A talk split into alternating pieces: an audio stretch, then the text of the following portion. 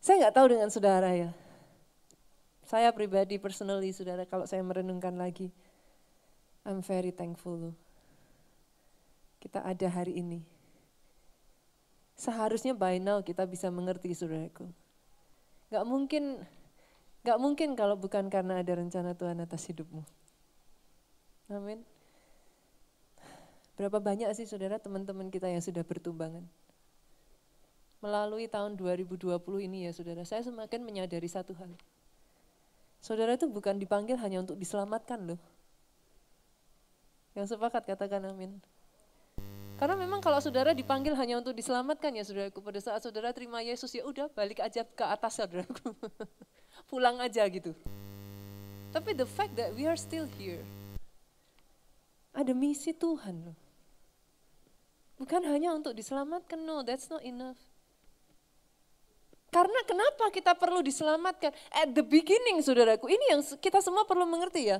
Kenapa kita perlu diselamatkan? Padahal sebenarnya at the beginning kita ini sudah bersama dengan Tuhan. Tapi ketika Adam dan Hawa jatuh di dalam dosa, di situlah saudara perlu keselamatan.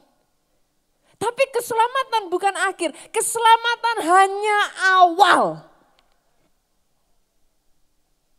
Karena perintah Tuhan kepada Adam dan Hawa, taklukkanlah bumi ini. Berkuasalah. Itu yang Tuhan berikan. Bolehkah saya katakan ini? Ada mandat atas hidup pribadi, lepas pribadi di tempat ini. It's not enough to live for yourself. Enggak cukup saudara, it's not enough. Bukan untuk itu.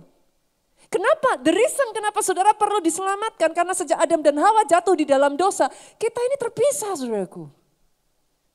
Tapi didamaikan dengan Allah setelah itu saudaraku, saudara ditempatkan di muka bumi ini untuk menjadi ambasador-ambasador kerajaan Allah. Supaya saudara yang ada di bumi ini, mereka bisa merasakan heaven on earth. Surga di bumi. Itu sebabnya dia mengajarkan setiap kita untuk berdoa apa? Bapak kami yang ada di surga, datanglah kerajaanmu, jadilah kehendakmu. Di bumi seperti di surga. Jadi keselamatan bagi saudara dan saya, it's just a beginning. Ada rencananya yang jauh lebih besar dari hanya sekedar saudara diselamatkan. Bulan Desember ini saudaraku, kita masuk satu seri firman Tuhan yang baru brighter than ever. Lebih terang dari yang sebelumnya. Ini yang personally saya percaya. Justru akan Tuhan kerjakan di penghujung tahun 2020 ini. Brighter than ever. Lebih terang dari yang pernah saudara lihat sebelumnya. Itu yang saya sebut sebagai kemuliaan akhir tahun end of your glory, saudara. Jadi hari ini saudara yang bisa tangkap hal ini, terima saudaraku. Saya deklarasikan, saya deklarasikan mulai sejak dari akhir tahun ini, demonstrasi kuasa Tuhan lebih gila-gilaan lagi akan saudara lihat terjadi atas hidup pribadi lepas pribadi di tempat ini. Apa yang sudah saudara alami sebelumnya tidak akan ada apa-apanya dibanding akan dia kerjakan. Akan ada banyak orang di tempat ini. Saudara sudah lihat ini sejak bulan November kemarin. Saudara sudah rasakan.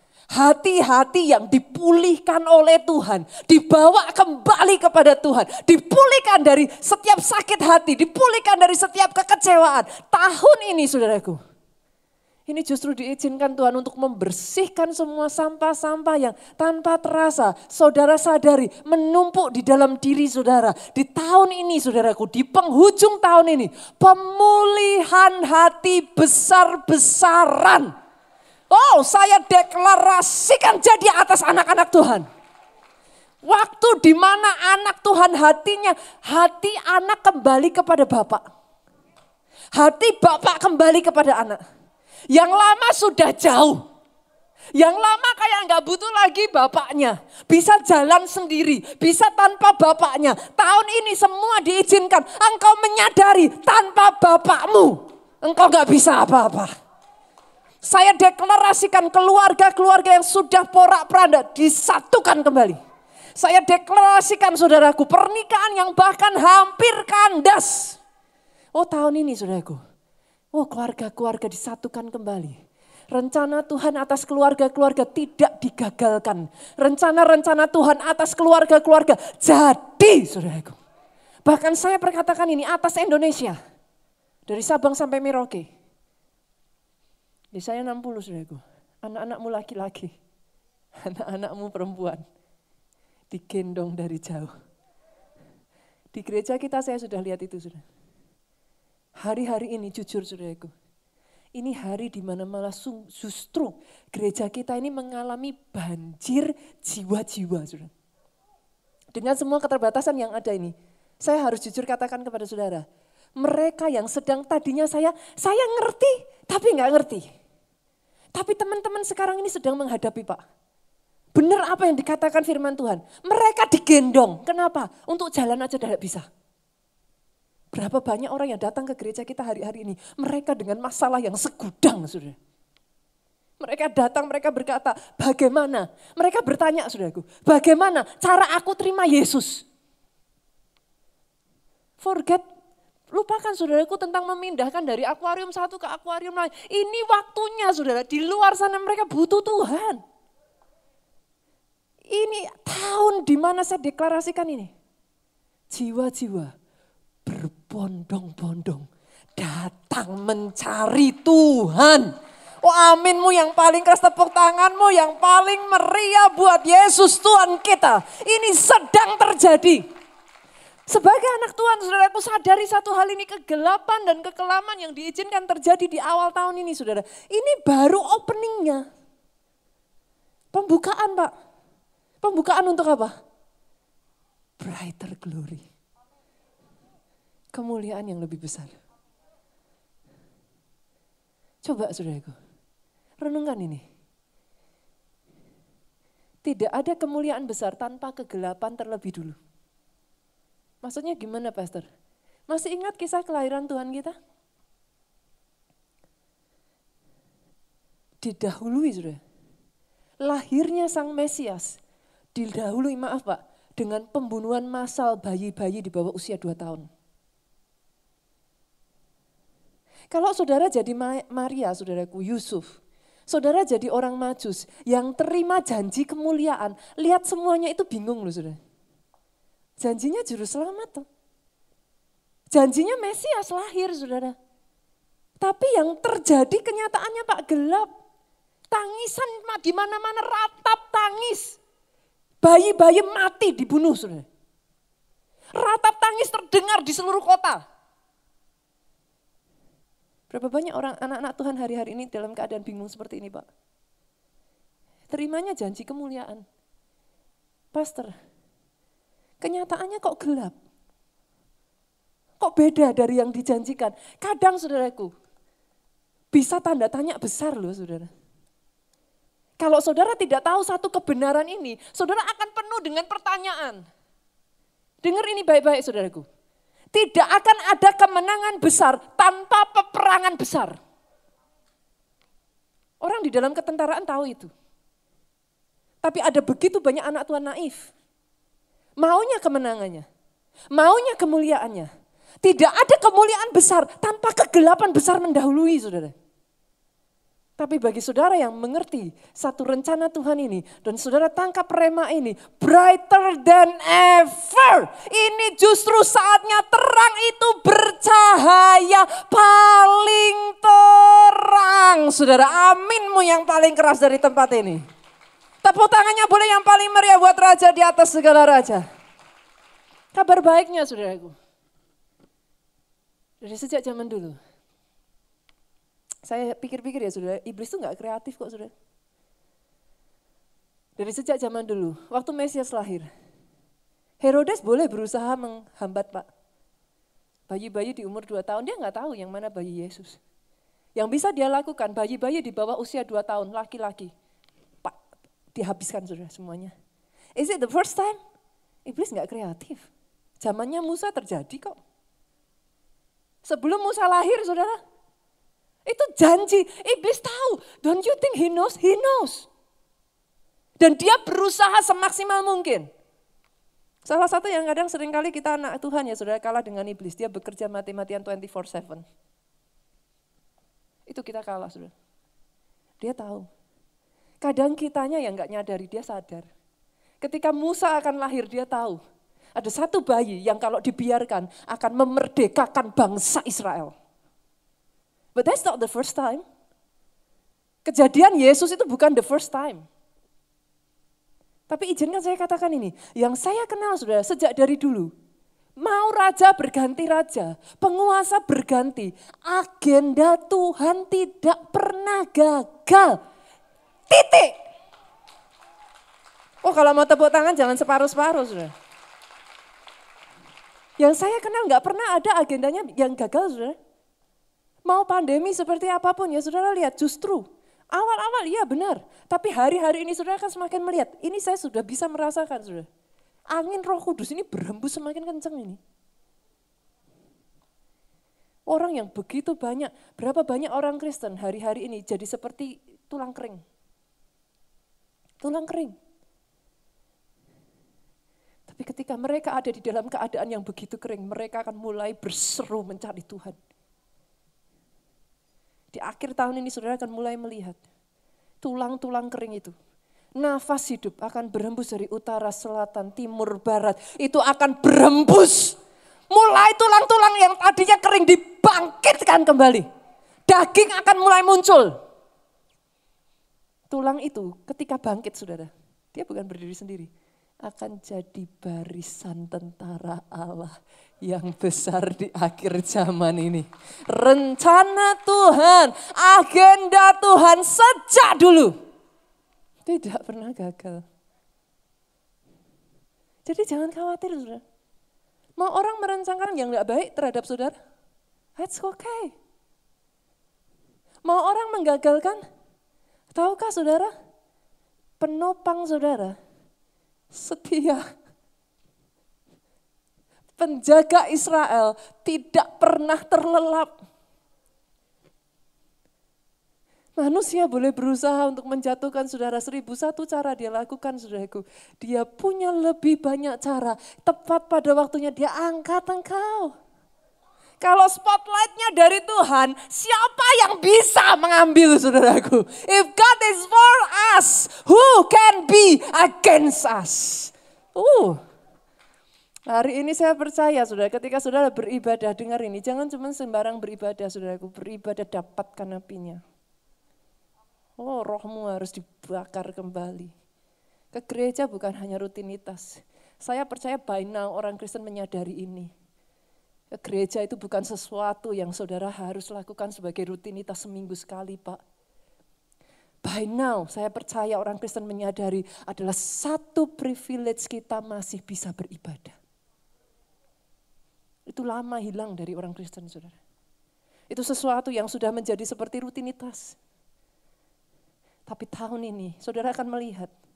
Mungkin sekarang saudara masih merasa sebaliknya, saudaraku. Tapi saudara lihat, apa yang terjadi ini? Semuanya hanya akan mendatangkan kebaikan bagi orang yang mengasihi dia, yaitu saudara yang terpanggil sesuai dengan rencana Tuhan. Tepuk tangannya sekali lagi yang paling meriah buat raja di atas segala raja. Sorakan haleluya. Yes. Mungkin sekarang saudaraku, yang saudara lihat nggak ada mulianya. Kemunduran, jujur saudara, kemunduran. Tapi coba kita buka ya ayatnya Hagai, pasal yang kedua. Kita baca dari ayat 2 dulu sampai ayat 4. Saya bacakan buat saudara, dalam bulan ketujuh pada tanggal 21 bulan itu, datanglah firman Tuhan dengan perantaraan Nabi Hagai, bunyinya. Katakan kepada Serubabel bin Sealtiel, Bupati Yehuda, kepada Yosua bin Yosadak, imam besar, kepada selebihnya dari bangsa itu demikian. Masih adakah di antara kamu yang telah melihat rumah ini dalam kemegahannya semula? Dan bagaimanakah kamu lihat keadaannya sekarang? Bukankah keadaannya di matamu seperti tidak ada artinya? Ini kisahnya gini saudara. Satu ketika saudaraku, rumah Tuhan itu roboh, dihancurkan. Tuhan kirim hambanya dibangun. Tapi pada zaman Hagai ini, Hagai dikirim Tuhan untuk mengatakan, dulu rumah itu jadi kebanggaan. Dulu orang berbondong-bondong dari seluruh penjuru negeri datang melihat rumah ini. Dulu nama Tuhan dipermuliakan begitu rupa ketika orang melihat rumah ini. Berapa banyak dari saudara yang sadar? Rumah itu tidak hanya sekedar berbicara tentang bangunan empat dinding saudaraku. Tahukah saudara engkau adalah bait Allah? Bait roh kudus. Berapa banyak kehidupan saudara hari-hari ini yang saudara mengatakan, Pastor, ya kalau namanya ya saudaraku dari yang tadinya di bawah diangkat naik ke atas itu enak saudara. Tapi kalau dari di atas pak, dibanting jatuh itu sakitnya di sini loh saudara. Nggak enak saudara. Kalau yang namanya saudaraku, tadinya dicibir, tadinya dipandang sebelah mata, sekarang dipuji-puji. Itu enak. Lah kalau dari yang tadinya dipuji-puji, sekarang jadi dicemooh. Gak enak loh saudara. Berapa banyak anak Tuhan yang hari-hari ini keadaannya seperti ini? Kemunduran, kemerosotan. Bahkan sebagian saudara, saya tahu Orang-orang yang datang kepada saya menangis dan berkata, Pastor, saya bukan lagi merosot, saya bukan lagi mundur, saya hancur, Pastor. Saya lihat itu, saudaraku. Not that I don't see it, I see it. Yang ada tangisan, saudara, jujur. Tapi hari ini izinkan saya mengatakan ini, saudaraku. Kalau itu yang saudara rasakan saat-saat ini Buka hatimu lebar-lebar. Karena saya membawa kabar baik, firman ini untuk saudara. Kalau kau hari-hari ini merasa seperti ditinggalkan, tidak lagi ada artinya. Yang tadinya megah, yang tadinya begitu dipuji-puji, yang tadinya begitu rupa. 2019, 2018, Bahkan sebelum masuk di 2020, eh, saudara tuh merasa ada orang-orang di sini yang saudara tuh sedang ada di tingkat tinggi-tingginya, saudara. Tapi begitu pandemi terjadi kok seperti kayak merasa dibanting begitu rupa. Ada sebagian dari saudara yang mengalami ini. Izinkan saya bawa kabar baik ini, kita buka ayatnya yang ke-6 saudara. Ayatnya yang ke-6 tadi lanjut ya. Ayat 5 saya skip dulu, kita bahas di belakang. Ayat yang ke-6 saya lanjutkan dari Hagai 2 saudara sesuai dengan janji yang telah kuikat dengan kamu pada waktu kamu keluar dari Mesir. Dan rohku tetap tinggal di tengah-tengahmu. Jangan takut. Artinya apa saudara? Sadari ini. Kalau saudara mengalami yang saudara alami, di mana saudara merasa kemerosotan, kemunduran, sadari ini Pak. Tuhan gak sama dengan manusia. Manusia bikin janji, bisa ingkar janji. Kalau Tuhan bikin janji, dia mengikatkan dirinya kepada janjinya. Tahu kenapa saudara dia nggak bisa ingkar janji? Dia taruh namanya di sana. Kondisimu sekarang boleh seperti itu saudaraku. Tapi dia Allah yang mengikat janji dengan engkau, dia setia. Dia tidak ingkar janji. Hari ini tangannya masih bergerak sedang mengerjakan dalam hidupmu. Ayat 7 saudaraku, saya bacakan buat saudara. Sebab beginilah firman Tuhan, sedikit waktu lagi. Berapa banyak yang mendengar kata-kata ini bersuka cita? Sedikit waktu lagi. Bertahan sedikit lagi saudaraku. Sedikit waktu lagi. Artinya apa saudara? Tidak akan lama lagi. Hold on a little bit. Hold on a little longer. Bukan waktunya engkau menyerah terlebih dulu. Apa yang akan dia kerjakan? Dengar ini saudara. Aku akan menggoncang segala bangsa sehingga barang yang indah-indah kepunyaan segala bangsa datang mengalir. Saya dengar kata amin loh dari sini. Aku akan memenuhi rumah ini dengan kemegahan. Firman Tuhan semesta alam, kepunyaanku lah perak, kepunyaanku lah emas. Demikian firman Tuhan semesta alam. Dia akan mendatangkan goncangan bukan untuk menghancurkanmu. Semua goncangan ini tidak akan menghancurkanmu. Saudara yang bisa melihat, masih ingat kisahnya Silas Paulus, saudara? Wow, pada saat mereka di penjara, mereka memuji menyembah Tuhan. Datang goncangan. Menghancurkan mereka? No, salah. Goncangan itu bukan menghancurkan mereka. Tahukah saudara goncangan itu menghancurkan apa? Goncangan itu menghancurkan belenggu. Belenggu sakit hati, belenggu kekecewaan, belenggu dosa, belenggu hutang piutang, belenggu sakit penyakit dihancurkan. Oh, saya berdoa ada di antara saudara mulai bisa melihat ini.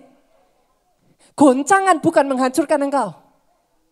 Goncangan hanya akan menghancurkan shake it all yang selama ini membelenggu saudara. Yang membuat saudara tidak bisa berlari kencang. Digoncangkan, dihancurkan. Masih ingat kisah ketika rasul-rasul saudaraku? Mereka datang berdoa bersama-sama. Goncangan ini sudah akan membuat banyak anak-anak Tuhan mulai berdoa. Saya tidak menyukai hal itu. Sekalipun saya tidak menyukai itu, I thank God for that. Goncangan ini memaksa banyak anak-anak Tuhan yang tadinya lututnya udah karatan saudara. Karena udah nggak tahu lagi gimana caranya berdoa. Berapa banyak di antara saudara yang tadinya lupa cara berdoa. Datang sama Tuhan itu, bedakan ya saudaraku, Bedakan doa karena rutinitas dan harus, ke gereja karena rutinitas dan harus, dan doa yang dinikmati. Oh itu beda jauh. Beda jauh. Berapa banyak anak Tuhan hari-hari ini, di akhir-akhir ini saudaraku, kembali dipulihkan kedekatannya dengan Tuhan. Sekalipun terpaksa sih, Pak nggak enak ya. Tapi ketika itu terjadi, lihat ayatnya yang ke-10. Ayat yang ke-10 saya bacakan. Ini yang saya deklarasikan untuk saudara. Adapun rumah ini, adapun saudara, saudara, saudara, saudara, saudara, saudara, saudara, saudara, rumah ini kemegahannya yang kemudian akan melebihi kemegahannya yang semula. Oh, kalau mau tepuk tangan paling dahsyat buat Yesus Tuhan kita, saudara. Firman Tuhan semesta alam di tempat ini. Aku akan memberikan damai sejahtera. Demikianlah firman Tuhan semesta alam. Don't give up yet, saudara. Jangan menyerah. Jangan putus asa. Dia akan mendandani engkau sampai orang melupakan masa lalumu. Dia akan membuat mereka melihat engkau dan ber oh, tercengang-cengang saudara. Karena kemegahanmu yang kemudian lebih daripada yang sebelumnya. Brighter than ever. Itu terjadi. Pertanyaannya sekarang saudara. Pertanyaannya sekarang. Bagaimana caranya itu terjadi atas kehidupan kita. Bagaimana kita bisa mengalami yang namanya brighter than ever? Kemegahannya lebih dari yang sebelumnya. How can that be? Kita buka Hagai 2, tadi balik ya. Ayat 5 yang belum kita baca saudara. Hagai 2 ayat 5 tadi. Tetapi sekarang, nah ini saudara. Perhatikan ini baik-baik. Ini kuncinya. Tetapi sekarang, kuatkan hatimu. Sekarang tuh maksudnya apa? Ketika kemegahannya belum dipulihkan. Ketika masih nggak ada artinya. Ketika masih desolate, ditinggalkan, tidak dipandang sebelah mata. Tetapi sekarang, kuatkan hatimu. Didik hatimu untuk jadi kuat Pak. Orang Kristen harus mulai belajar. Hati ini harus dipaksa jadi kuat. Jangan jadi orang Kristen gampangan. Jadi jangan jadi anak Tuhan gampangan. Latih hatimu saudaraku. Dan perhatikan ini, apa kata firman Tuhan? Demikian firman Tuhan, kuatkan hatimu bukan cuman seru babel saudara yang disuruh menguatkan hati. Seru babel ini siapa? Tadi siapa seru babel ini? Bupati Yehuda. Artinya ini posisi pimpinannya. Betul ya saudara? Bupatinya, leadernya. Leader-leader di sini saya harus berkatakan kepada saudara, kuatkan hatimu. Di tengah situasi seperti ini, bukan waktunya leader-leader justru saudara mundur teratur. Ya mengerti aminnya yang keras. Leader-leader kuatkan hatimu. Tapi bukan cuma leadernya. Imamnya disuruh menguatkan hati. Coba lihat saudara. Hai Yosua bin Yosada, kuatkan hatimu. Jadi bukan cuma leadernya, imamnya. Leadernya, imamnya. Lanjut lagi sudah, baca berikutnya lagi.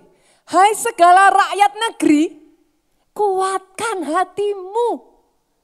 Bapak Ibu dengar ini, yang disuruh nguatin hati bukan cuma pendetanya. Dimulai dari pendetanya, yes. Dimulai dari leadernya, yes. Tapi jemaatnya juga jemaat yang tangguh. Come on. Keluargalah jemaatnya jemaat yang tangguh. Kuatkan hatimu. Waktu-waktu seperti ini bukan waktu kau meragukan janji Tuhan. Ini bukan waktu saudara mulai mempertanyakan janji Tuhan. Ini bukan waktu saudara mempertanyakan di mana kuasa Tuhan. Oh hati-hati loh saudara. Ada banyak hari-hari ini orang-orang mulai mempertanyakan loh. Katanya, katanya, mana nyatanya? Dengar ini sudah. Jangan turunkan level imanmu. yang sepakat aminnya paling keras. Engkau yang selama ini hidupmu sudah berjalan dengan iman. Sekarang ini ya saudara, level imanmu jangan turunkan sesuai sikon. Kenapa? Orang benar hidup oleh iman. Kalau level imanmu kau turunkan, kau kehilangan janji. Apa yang kau pegang? Orang benar tidak hidup oleh perasaan. Orang benar tidak hidup oleh logika. Orang benar hidup oleh iman. Apa iman? Dasar dari segala sesuatu yang tidak kau lihat. Dasar dari segala sesuatu yang engkau percaya. Bukti dari yang tidak kau lihat. Itu iman. Engkau yang selama ini sudah berjalan dalam iman. Jangan turunkan. Kuatkan lagi. Bangkitkan lagi. Teguhkan lagi hatimu. Sedikit lagi. A little longer. Ini masalah banyak orang Kristen, saudara. Bahkan ini masalah yang dihadapi bukan orang Kristen zaman sekarang, dari zaman dulu Pak. Kita buka ya, masalah apa yang dihadapi banyak orang Kristen. Lukas 1 ayat 11 sampai 13. Saya lompat ayat 18 juga sudah. Ini masalahnya banyak orang tuh, orang Kristen tuh kadang aneh sudah. Lukas 1 ya saya bacakan. Maka tampaklah kepada Sakaria. Sakaria ini siapa? Imam besar. Hanya imam besar yang boleh masuk ke ruang maha kudus sudah. Jadi Sakaria ini bahkan bukan imam biasa bu. Dia imam besar. Tampaklah Sakaria seorang malaikat berdiri di sebelah kanan mesbah pembakaran ukupan. Jadi ketika dia mau masuk, mau mem mem memberikan persembahan uh, bakaran ukupan, dia melihat hal itu terkejut, dia jadi takut. Tapi malaikat itu berkata kepadanya, jangan takut hai Sakaria, sebab doamu telah dikabulkan. Dan Elizabeth istrimu akan melahirkan seorang anak laki-laki bagimu, haruslah engkau menamai dia Yohanes. Ayat 4, 18, eh, saya lompat ya sudah. Lalu kata Sakaria kepada malaikat itu, bagaimana aku tahu bahwa hal ini akan terjadi? Sebab aku sudah tua dan istriku sudah lanjut umurnya. Masalah banyak orang Kristen, Saudara doa-doa sendiri. Giliran, ini kan Sakaria gitu kan Pak. Dia doa sama istrinya, minta anak. Kan? Yang doa siapa? Lu dia sendiri. minta anak. Habis itu datang malaikat, jeng jeng, gitu kan sudah. Doamu dikabulkan. Pak, kalau ada datang malaikat ngomong gitu sama Bapak, harusnya ngomongnya apa? Hah? Yes, kan saudara? Amin. Puji Tuhan. Kan? Lah ini Sakaria bilang apa? Mosok. Sorry ya saudara, saya orang Jawa saudara.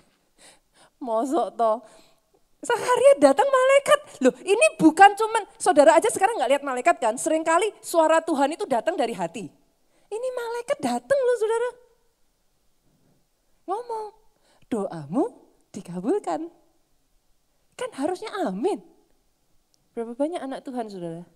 Ngomongnya apa, hatinya apa. Nah loh, salah siapa? Dengan mulut saudara bilang amin. Dengan hati saudara bilang mosok. Nah itu salahnya siapa? Ini masa, tahukah saudara ini yang jadi hambatan saudara? Doa saya hari ini. Itu sebabnya dibutuhkan orang Kristen yang menguatkan hatinya. Kenapa? Bukan janji Tuhan nggak digenapi. Banyak yang hatinya nggak kuat sampai janji itu digenapi. Bisa bisa bisa nangkep ya saudaraku ya. Kalau Tuhan mas sekali berjanji ya saudara, dia tuh ngikat namanya kok. Jadi nggak ada, saudara perhatikan aja. Cari sepanjang uh, sejarah Alkitab ya saudara. Nggak ada janji Tuhan yang nggak digenapi, nggak bisa. Nggak bisa, kenapa? Ya Tuhan itu kalau udah janji, dia nggak kayak manusia. Dia mengikatkan dirinya. Jadi untuk dia tidak menggenapi janjinya, itu dia mencoreng dirinya sendiri. Dan dia nggak bisa. Dia nggak bisa. Tapi banyak anak Tuhan tidak mengalami penggenapan janji. Karena apa? Hatinya nggak kuat. Tidak menyadari kemenangan besar selalu didahului dengan peperangan besar. Pikirnya cuma menang doang. Tapi nggak mau disuruh perang. Doa saya hari ini, hatimu kuatkan kembali.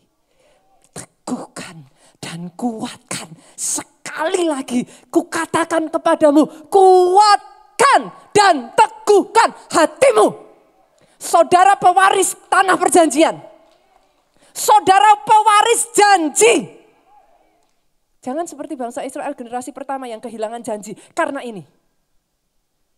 Jadi seperti generasi bangsa Israel di bawah pimpinan Yosua Engkau pewaris janji, saudaraku. Engkau bukan orang yang gagal. Engkau pewaris janji. Tidak dibutuhkan kau jadi orang hebat.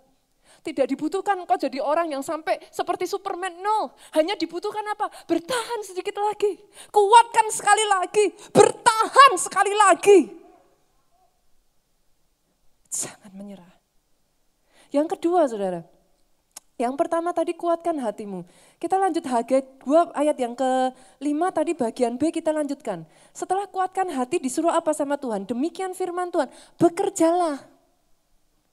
Sebab aku ini menyertai kamu, demikian firman Tuhan semesta alam. Bekerjalah.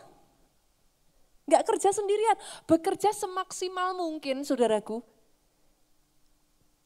Bersama roh kudus. Enggak sendirian. Banyak anak Tuhan tidak nyadari hukum yang satu ini loh saudara. Yosua disuruh kuatkan dan teguhkan hati, habis itu disuruh perang. Sorry loh saudara. Banyak anak Tuhan kan curang toh. Kalau sudah perang aja, Tuhan yang berperang ganti aku. Kan curang toh saudara. saudara maju perang dulu, nanti Tuhannya berperang bagi saudara. Kalau saudara nggak maju perang, nggak lihat Tuhan berperang bagi saudara. yang mengerti aminnya yang paling keras. Yang mengerti aminnya yang lebih dahsyat lagi. Selama saudara nggak maju perang, nggak lihat. Kerja saudara, berjuang, usahakan.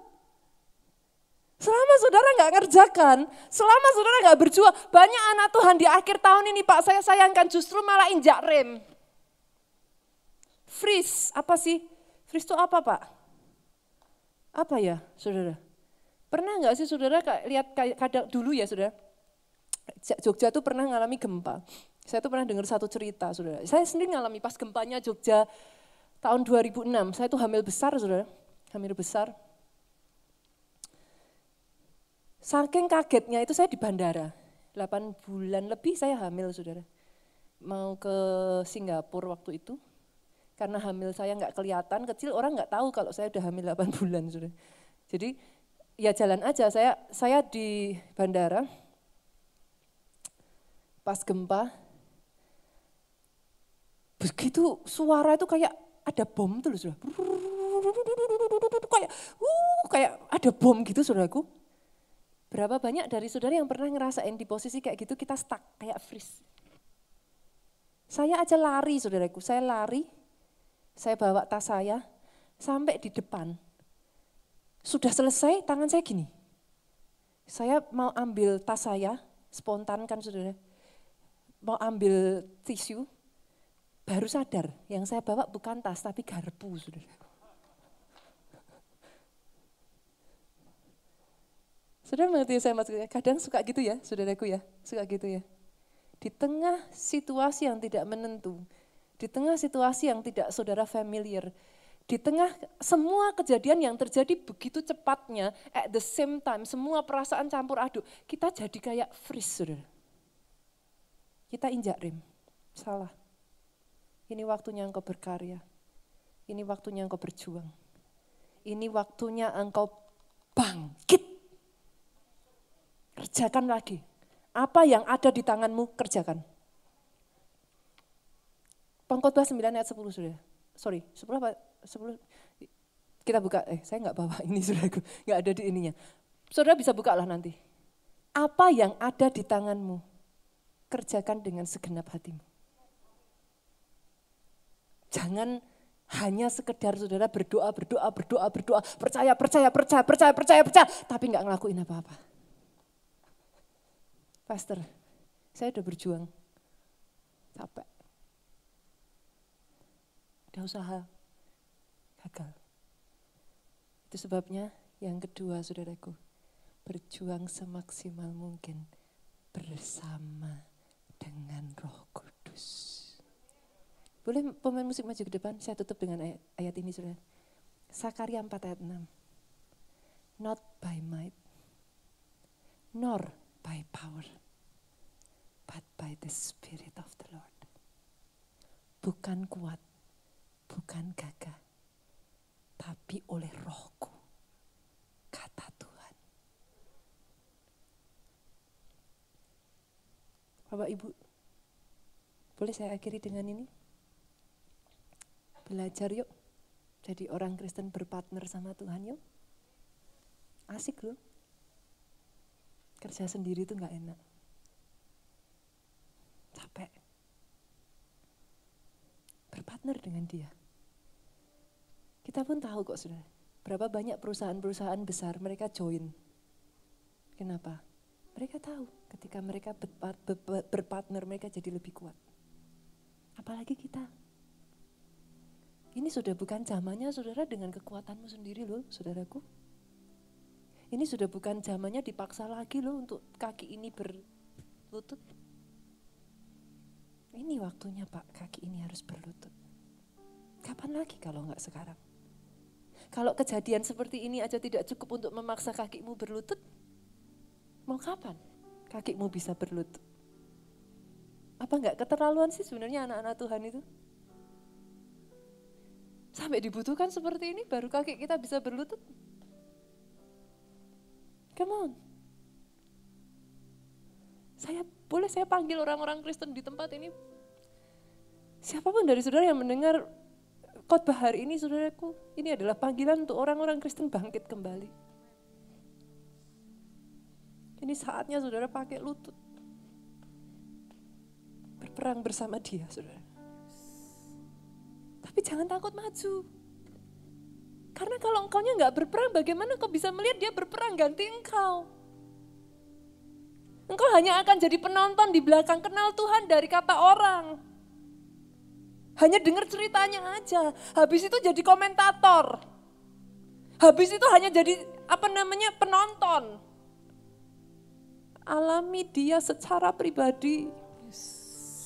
Engkau akan bisa bersaksi dan menceritakan betapa Tuhanmu, Tuhan yang dahsyat. Amin. Yes. Bangkit berdiri jemaat Tuhan.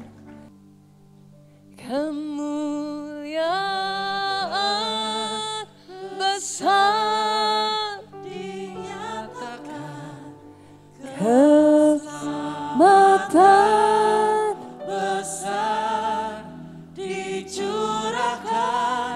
Kau bangkitkanku menjadi terang bagi bangsaku. Berkatakan dengan iman saudaraku Kemuliaan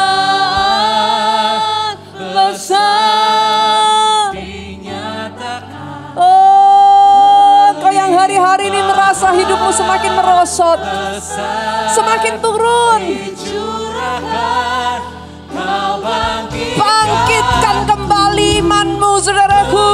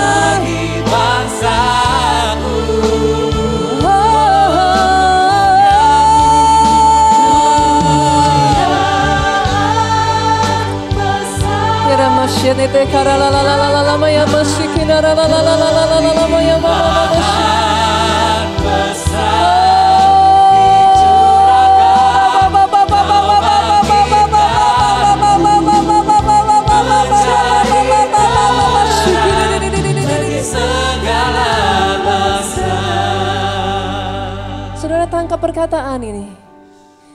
Tangkap prema ini. Yang paling kecil Tuhan jadikan kaum yang besar.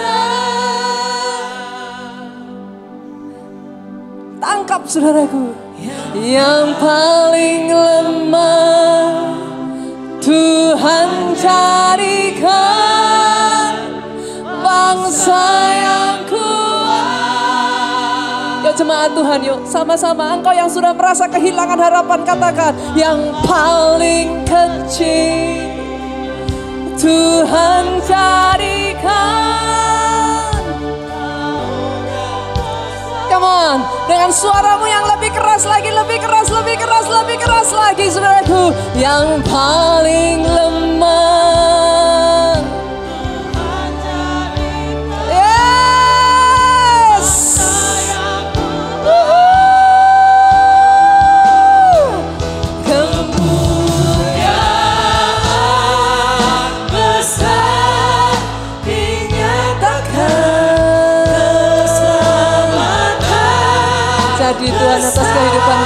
Lepas pribadi dicurahkan kau bangkitkan. Oh, satu demi satu pribadi dibangkitkan